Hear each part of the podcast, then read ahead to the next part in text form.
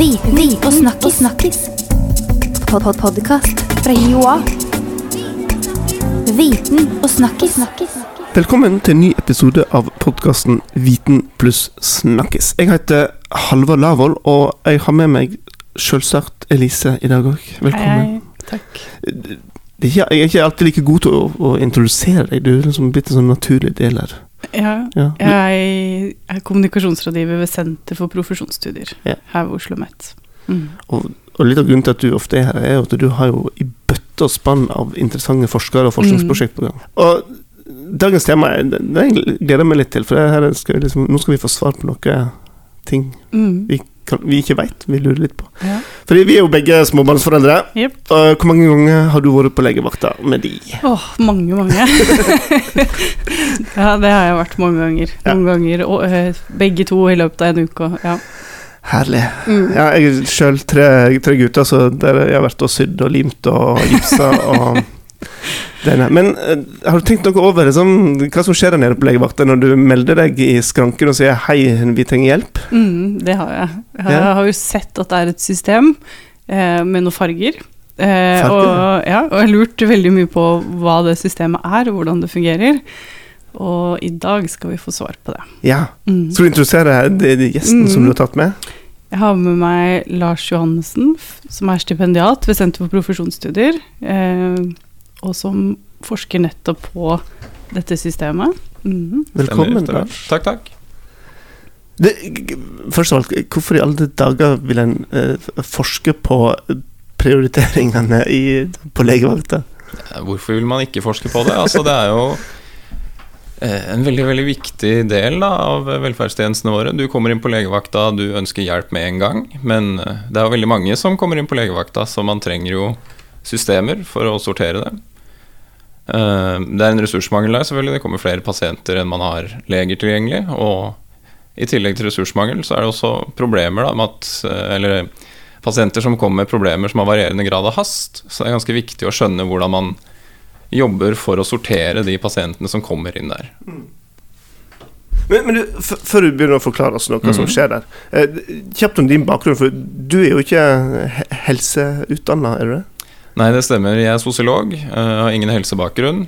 Og er ganske fremmed for den verden her. Og det er selvfølgelig en utfordring, fordi det er ganske mye avansert eh, klinisk virksomhet der som jeg i hvert fall i begynnelsen sleit veldig med å sette meg inn i.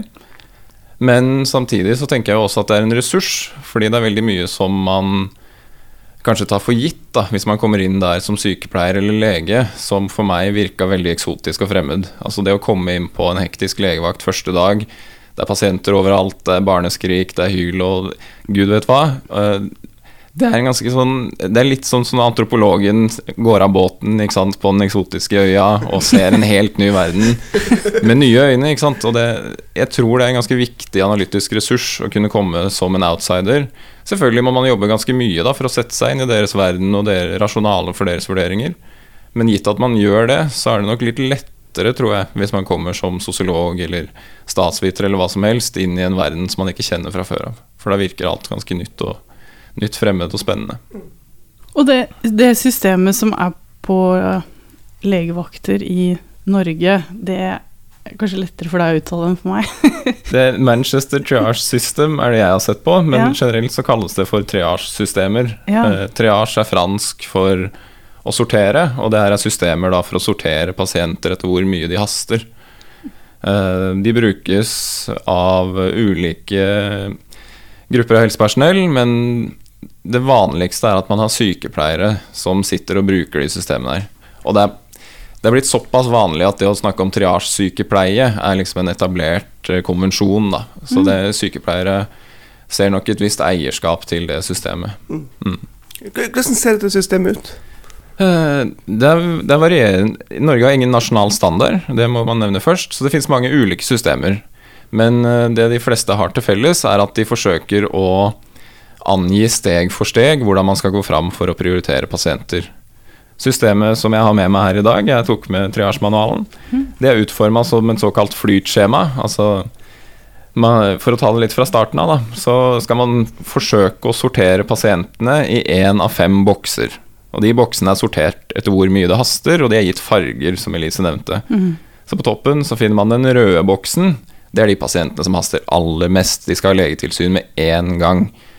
Eh, under der igjen så kommer den oransje boksen. Det er pasienter som haster nest mest. De skal ha legetilsyn innen ti minutter. Etter det igjen så har du den gule boksen. De skal ha legetilsyn innen en time. Så har du en grønn boks. De skal ha legetilsyn ved anledning, eh, og skal helst ikke vente så mye mer enn kanskje fire timer, i verste fall. Og helt på bunnen så har man den blå boksen, som er pasienter som egentlig formelt da regnes som uegna for legevakt. Eh, Jeg tror man sier noe sånn som at de skal ha legetilsyn når alle andre pasienter på legevakt har blitt tilsett. Så i praksis så blir ikke de tilsett med mindre det er en ekstremt rolig dag. Ja. Har du eksempel på de på, måte, på Ja, altså det sykdommer på disse ulike fargene? eh, Systemet Manchester Triage System består av 52 forskjellige eh, sånne skjemaer. De er ordna etter årsaker til at man tar kontakt. De er veldig nøye på at du ikke skal ha eh, diagnoser inn allerede på det stadiet her, så det skal være mer symptombasert. Da.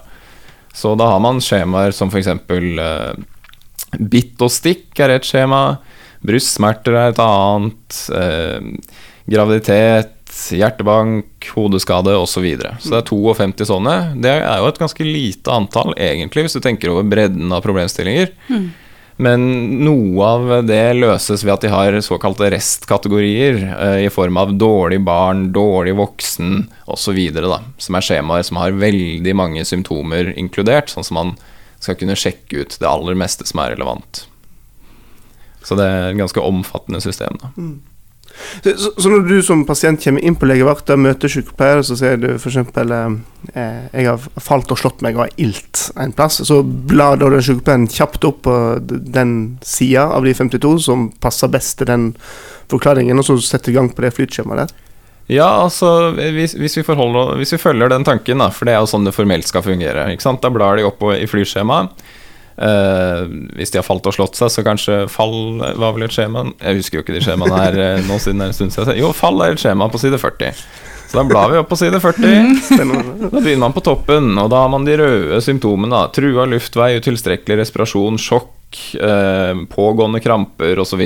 Mm. De tinga her sjekker man ut kjempefort, ikke sant? fordi du, du går inn sjøl. Du ser ikke ut som du har pusteproblemer, du, ja, du ser helt fin ut osv. Så, videre. så de hopper man eh, som regel ganske fort over da, hvis du er en erfaren sykepleier. Men så kommer en sånn andre ting. da Nylig oppstått unormal puls finner man i den oransje boksen. Stor ukontrollerbar blødning osv. osv. Eh, logikken i systemet er at man skal begynne på toppen, sånn som jeg gjorde nå. Man skal gå og ta symptomene én etter én. eh, Sjekke er det relevant eller ikke.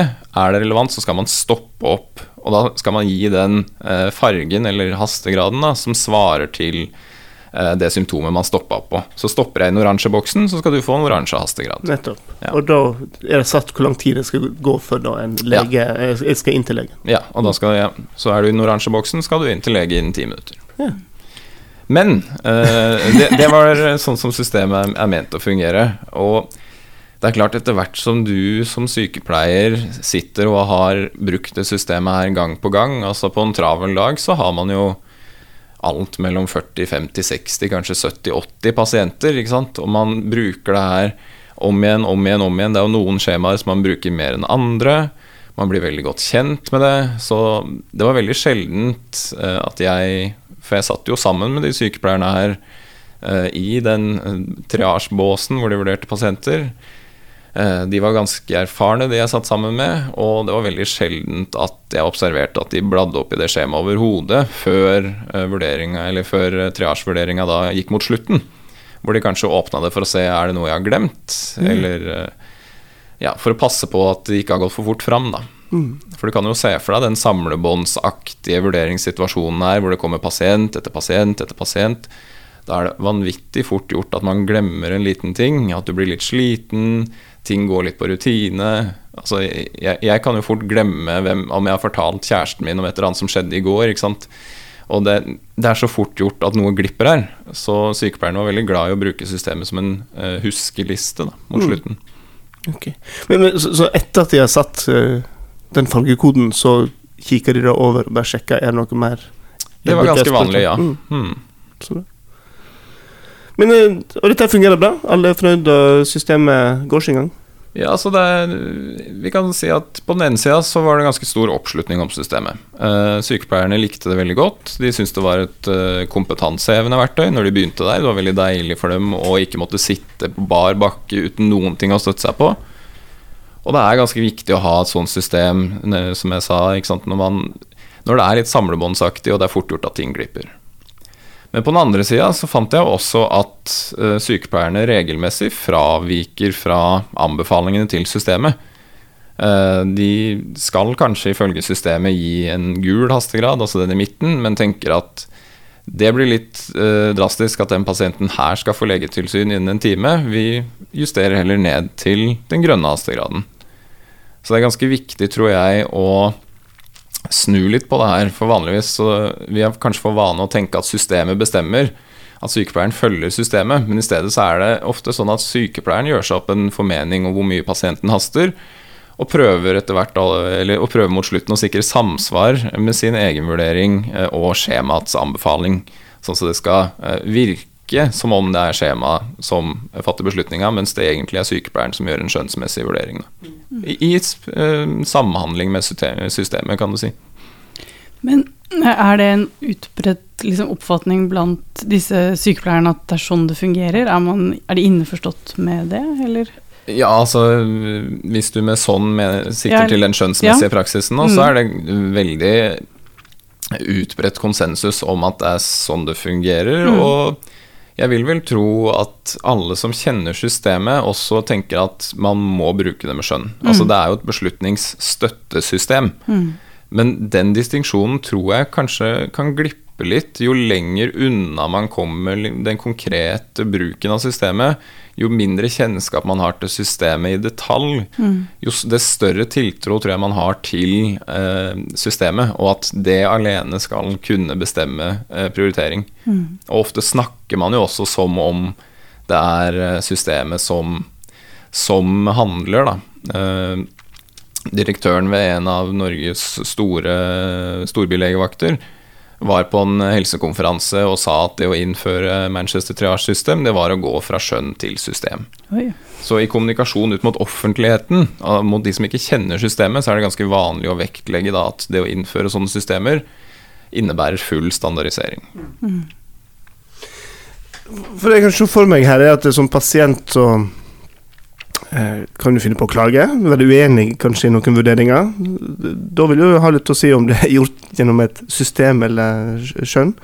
Og, og det andre ting jeg tenker på er også at hvis noe skulle gå fatalt galt, da, han skulle gå tilbake og si "K- k- hvorfor fikk ikke denne pasienten tilsyn kjappere, det burde hatt tilsyn kjappere, der òg vil jo den grad system eller skjønn eh, spille en rolle. Ja, og det her, her tenker jeg det må man holde to tanker i hodet på en gang. På den ene sida så er det jo veldig fint hvis systemet kan binde sykepleieren, at ikke de tar sjanser. At ikke de tenker at ja, men nå er det så lang ventetid her, så eh, vi har egentlig ikke tid til å skrive inn den. Det haster kanskje litt, men relativt til de andre. ikke sant? Sånn type tankegang er veldig nærliggende når man jobber på en hektisk legevakt, og det kan få veldig uheldig utfall for pasientene. Så det er bra at systemer binder dem. Men på den andre sida så er det også noen interessante forskyvninger da, i maktdynamikken, kan man kalle det, mellom sykepleier og system. For det ofte, eh, eller iblant kan man kanskje si, har man behov for å gi en lavere hastegrad enn det systemet anbefaler. Eh, Det var vanlig både blant sykepleiere og leger å kalle det et overtriasjeringssystem, som sikter til at systemet er ganske Gir ganske mange høye hastegrader. Som også da innebærer at man ikke sorterer godt nok. Altså Hvis alle får en høy hastegrad, så har du jo basically ikke prioritert. Så ganske ofte har man behov for å justere det eh, ned. Det er en utrolig betent aktivitet, for som du nevner, da, hvis det skulle bli en tilsynssak på at man har justert en pasient ned, eh, at eh, kanskje var det en pasient som kom inn og det, det så helt fint ut, men altså, akuttmedisinen er jo utrolig uforutsigbar, så det kan jo tenkes at pasienten kommer på et tidlig stadie i sykdomsforløpet før symptomene virkelig har slått ut i blomst. Og at på vurderingstidspunktet så var det kanskje riktig da å gi vedkommende en, en grønn prioritet, altså den nest laveste, selv om systemet kanskje anbefalte gult fordi det er litt eh, sant, det gir litt høyere hastegrader. Men det kan jo da se veldig stygt ut i etterkant, hvis sykepleieren har brukt sitt faglige skjønn eh, og overkjørt systemet. Så vil tilsynsmyndighetene kunne si at jo, men systemet sa jo at det skulle være en gul pasient. Og så vil da den sykepleieren kunne få påpakning for Uh, å ha fatta den beslutninga som han eller hun tenker at er den klinisk riktige. Så det er en del sånne forskyvninger her som Jeg mener ikke å si at det nødvendigvis er så enkelt å si at det er Altså, det er ikke utvetydig problematisk at sykepleieren kanskje skal tenke seg om to eller tre ganger før de justerer de hastegradene. Men det er noe som gjør at det kanskje blir en litt sånn defensiv prioritering her. da At du gir litt for mange høye hastegrader, og at det blir litt for vanskelig å identifisere de som virkelig haster. Og det innebærer en risiko, det også. Det er ganske viktig å insistere på. Men er dette noe de som, altså disse sykepleierne går rundt og tenker på? Altså, de Kjenner de på denne her eh, system versus skjønn? Eh, eller er de på en måte så inne i jobben at dette her går sånn, liksom automatisk for deg? Som til daglig så tror jeg nok at det forløper ganske greit. For det, det at en grønn pasient skulle vise seg å være en, en kjem, Nå sier jeg grønn pasient, det var et begrep de brukte. uh, det at en, en, pasient med grønn hastegrad skulle vise seg å være livstruende syk, skjer jo veldig sjeldent. Og som regel så har mellomledere og sånn en viss aksept for at man justerer, i det minste uformelt. Så, så, til daglig så forløper det her relativt uproblematisk. Men på den andre sida så var det ikke uvanlig at sykepleierne nevnte sånne ting som at det kan være utrolig vanskelig å vite om du bare skal følge systemet, uh, og kanskje la det være en litt upresis prioritering, eller om man skal ta den sjansen da, på å følge sitt eget skjønn. Mm. Så det, det, er dagligdagse dilemmaer da, om man skal justere opp eller ikke. Og de har de har en masse ulike måter å løse det på. Jeg kan f.eks. kort nevne at de har mulighet til å ta en telefon inn, som de snakka om. De har en ganske kompleks arbeidsdeling eh, på legevakter. Der hvor jeg var, så hadde de en såkalt logistikksykepleier. Som er en som skal sitte inn og ha oversikt over alle pasientene som er blitt eh, triasjert. Og den sykepleieren kan justere prioriteten til de som er skrevet inn. Så i stedet for at triasjesykepleier kanskje formelt skal justere ned fra gult til grønn, så gikk det an å ta en telefon inn og si jeg har en gul pasient her. Eh, jeg tror ikke vedkommende er så at det haster så mye. Eh, du kan tilse de andre gule før den tid. Så det er masse sånne små uformelle prioriteringsjusteringer da, som de kan gjøre underveis. Mm.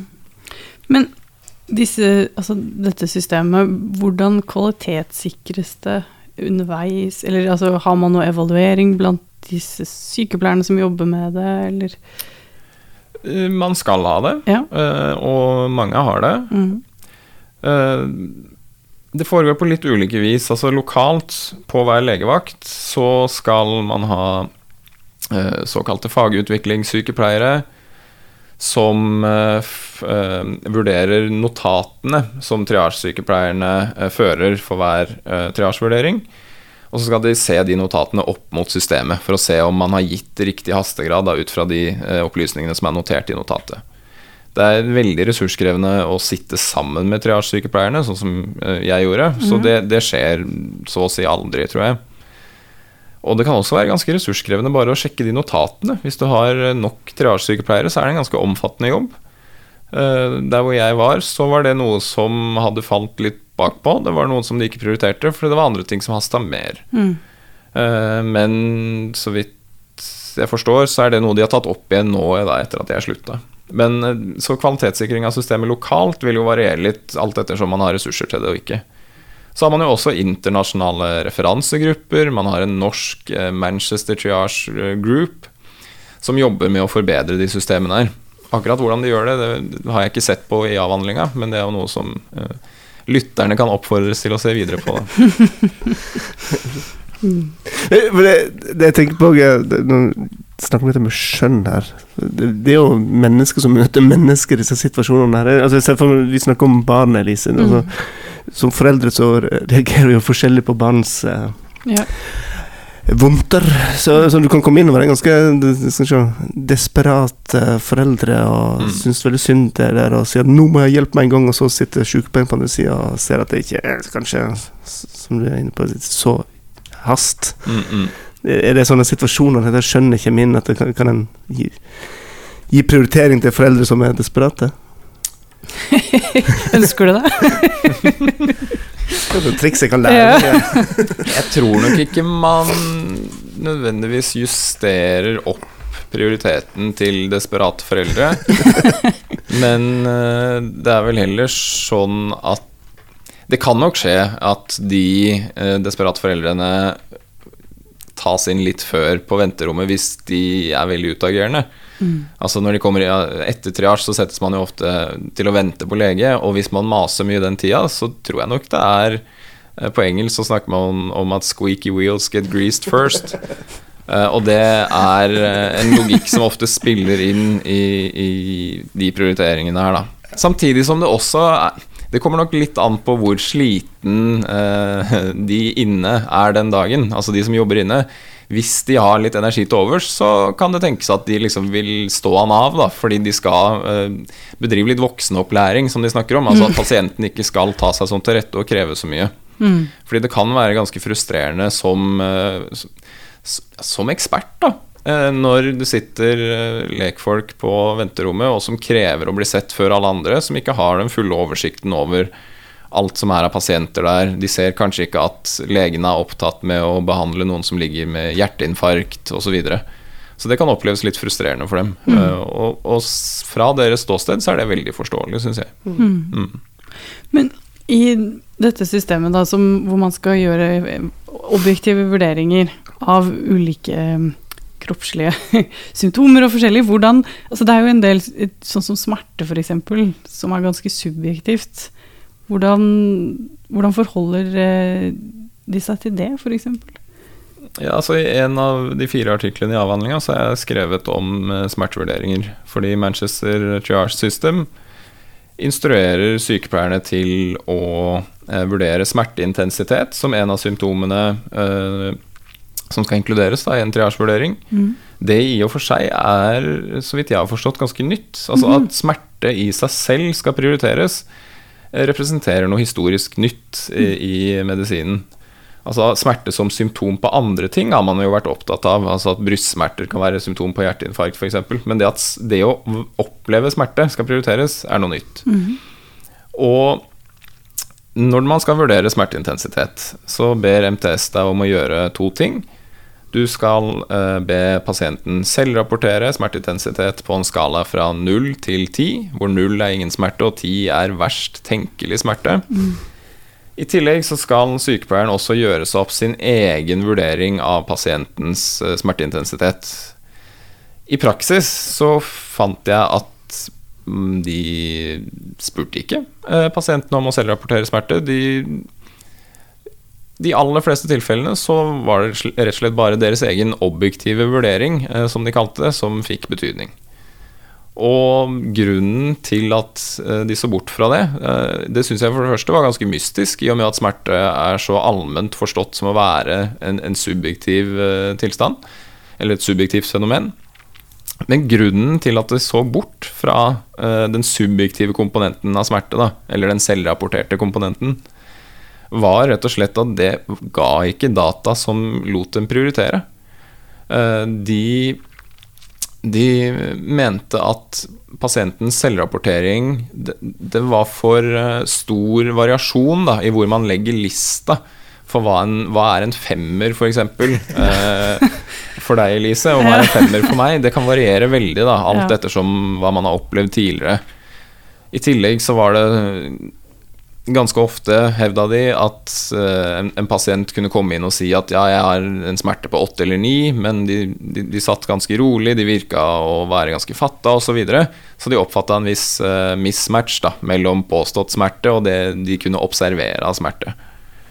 Så de mente det var ganske mange grunner til å se bort fra uh, den uh, selvrapporterte komponenten når de skulle prioritere pasienter. Eh, Det er ganske viktig. Det, mye smerteforskning finner det samme, og er veldig kritisk til at man ser bort fra selvrapportering, fordi helsepersonell har helt generelt en tendens til å undervurdere pasienters eh, smerte.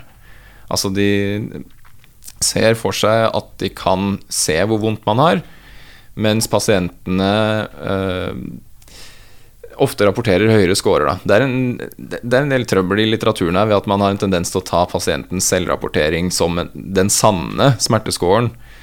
Som eh, sykepleierne jeg snakka med, jo hadde ganske store problemer med å gjøre. Ikke sant? For de mener at det er ikke et valid mål på smerte, mm. selvrapportering. Det her viser jo bare hvor utrolig vanskelig det er å gjøre smertevurderinger, selvfølgelig. Mm. Eh, men eh, i den konkrete situasjonen her, da, så var det ansett som uheldig å skulle bare lene seg på pasientens selvrapportering, for da ville man for det første overprioritere veldig mange pasienter. Får du en smertescore på åtte, så skal du ha en oransje prioritet. Det er basically ingen som får rød prioritet på legevakt, så da er du i den høyeste av prioritetene, da, hvis du selvrapporterer åtte. Mm. Uh, i tillegg så mente de at det er jo også en del pasienter som har en tendens til å underrapportere eh, smerte. Enten ved at de skal være litt tøffe, de skal ikke være en belastning for legevakta, de er stoiske, ikke sant. Du kan se for deg den stereotypiske bestefaren som kommer inn og som ikke vil eh, si noen ting om hvor vondt han har, og nei da. Eh, så de mente at hvis du bare skulle stole på selvrapportering, så ville det gå, fort gå gærent, da. Mm. Så Derfor så mente de at det var viktig å supplere med Eller å, å, å heller stole på sin egen eh, objektive vurdering. Og ja, bruke andre ting som pasienten sa og gjorde, enn eh, svaret på hvor vondt har du eh, på en skala fra 0 til 10. Dette systemet er jo veldig skjematisk, og det blir jo litt nærliggende å tenke om Kan man ikke bare nærmest sette opp en data, og så kan folk trykke selv, eller altså hvordan tror du dette kommer til å se ut fremover? Kommer man til å benytte seg av eh, maskiner for å avlaste sykepleierne? Det er ganske nærliggende å tenke det. Eh, man har tatt eh, Det er noen eksperimentering med det her bl.a. i Storbritannia, hvor man nå forsøker å bruke kunstig intelligens for å vurdere pasientene. Jeg er veldig usikker på hvordan de gjør det rent konkret. Tanken på at pasienten sjøl skulle stå og bruke det eh, skjemaet her, er nok problematisk av to grunner. For det første så kunne de jo veldig fort jukse. Eh, men mer grunnleggende enn det, så er det også det at å bruke det systemet her krever ganske mye skjønn. Mm. Eh, det er ganske mange av symptomene i skjemaet som virker veldig greie å bruke, helt til du tar stilling til til hva det faktisk innebærer. da Endra bevissthetsnivå er symptomer, f.eks. Og det defineres i systemet som uh, en pasient som ikke er helt klar. Uh, og, og, ikke sant det, De legger også til at den responderer enten bare på tilsnakk eller smerte, eller responderer ikke. Men helt konkret, hvordan den skal kunne anlegges på den enkelte pasient, det krever sitt. Men når det er sagt, så kan det nok tenkes at eh, triasjevurderinger over tid vil kunne utføres av eh, av en form for kunstig intelligens, eller det som også kalles for maskinlæring. Da. Altså at man bruker dataprogrammer som du mater med uhorvelig store mengder informasjon, og som de programmene da analyserer, og som de kan eh, hvor de da kommer fram til noen algoritmer som lar deg predikere sannsynligheten for at du med dine symptomer eh, skal trenge legetilsyn innen eh, et gitt antall minutter. Eh, på de områdene hvor det her fungerer godt, så fungerer det veldig mye bedre enn menneskelig vurdering. Altså man har jo De klassiske eksemplene er eh, eh, maskiner som kan oppdage kreftsvulster, f.eks. på røntgenbilder. Der har man sett at maskinene kan gjøre vurderingene ganske mye bedre enn eh, selv trente leger. Og Forutsetningen for det er jo at man har en standardisert input. Altså De røntgenbildene er jo tatt på samme vis eh, og er i bilder i tillegg. Så det er ganske lett å bare skanne de og mate inn i maskinen.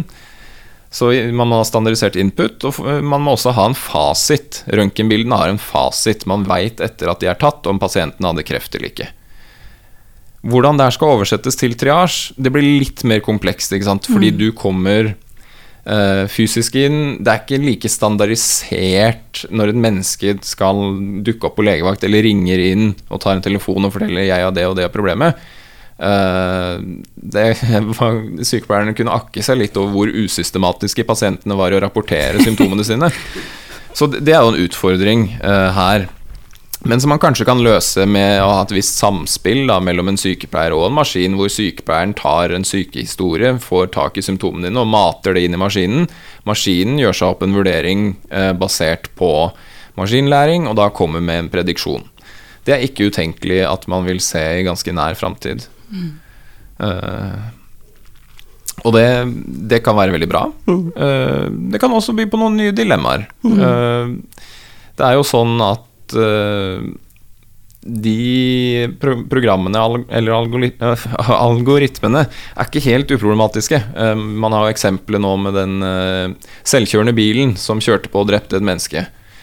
Rapporter viser at bilen så mennesket, altså så i hermetegn, men at eh, den ikke da klarte også altså, Den skjønner jo ikke hva den ser, den har jo bare lært eh, gjennom eh, masse, masse prøving og feiling. Så det er et eller annet med Når skal sykepleieren kunne overstyre det systemet her? Det vil være en, et utrolig stort dilemma i framtida. I dag så er det ganske greit, fordi man veit at retningslinjene er De kommer til kort. Så det å overstyre det er ikke så veldig trøblete så lenge du kan begrunne overstyringa di. Men med de hyperkomplekse algoritmene så vet man ikke hva beslutningsgrunnlaget er. Det er millioner av linjer med kode. Så det er jo ikke sånn at man kan gå inn og se hva rasjonalet er for den vurderinga maskinen gjør. Og det å overstyre et system som oppfattes som å være så utrolig mye mer komplisert og smartere enn deg, da, vil være ganske mm, mye mer betent, tror jeg, enn å overstyre retningslinjer vi har i dag. Så det er, det er noen uh, lyse utsikter med, de, med, med nye algoritmer, men det er også noen problemer eh, som det er ganske viktig at eh, retningslinjeutviklerne og de som implementerer dem, er seg bevisst. Veldig interessant. Mm. Lars, tusen takk for at du kom på besøk. Takk for at jeg fikk komme. Og eh, lærte oss masse Ja. om hva som skjer der på legevakta. Mm. Kommer du til å, Elise, neste gang du stikker innom legevakta, møter du med en ny forståelse for prioriteringene du blir satt i? ja, og jeg tror jeg kommer til å følge ekstra mye mer nøye med å prøve å titte over Ja. hvilket skjema, flytskjema Nei da. Spørre Nei, men, hva farge eh, fikk jeg nå? Jeg tror kanskje jeg har fått økt uh, forståelse og respekt for uh, den kompliserte jobben de faktisk sitter og gjør òg. Mhm. Skal ikke mase. Så bra. Ta fargen du får, og bli sittende. Ja. Ja. Um, hvis du som hørte på syns dette her var interessant, så kommer vi selvsagt til å legge ut lenke til uh, ting Lars har skrevet, og andre nyttig informasjon rundt eh, det vi har snakket om nå. Så da kan du stikke innom uh, nettsidene til denne podkasten, så uh, trykker det videre derifra. Um, og så må vi bare si tusen takk for at du hørte på. Og hvis du har lyst til å høre en ny episode, så bør du abonnere på denne podkasten her i podkastspilleren din. Og så har vi òg ei Facebook-gruppe for eh, denne podkasten, så der kan du stikke innom og ta en prat med andre lyttere og eh, se hva vi har spilt inn eh, før i tiden. Da sier vi bare ha det bra. Viten og snakkes snakkis. Pod -pod Podkast fra Joa. Viten og snakkis.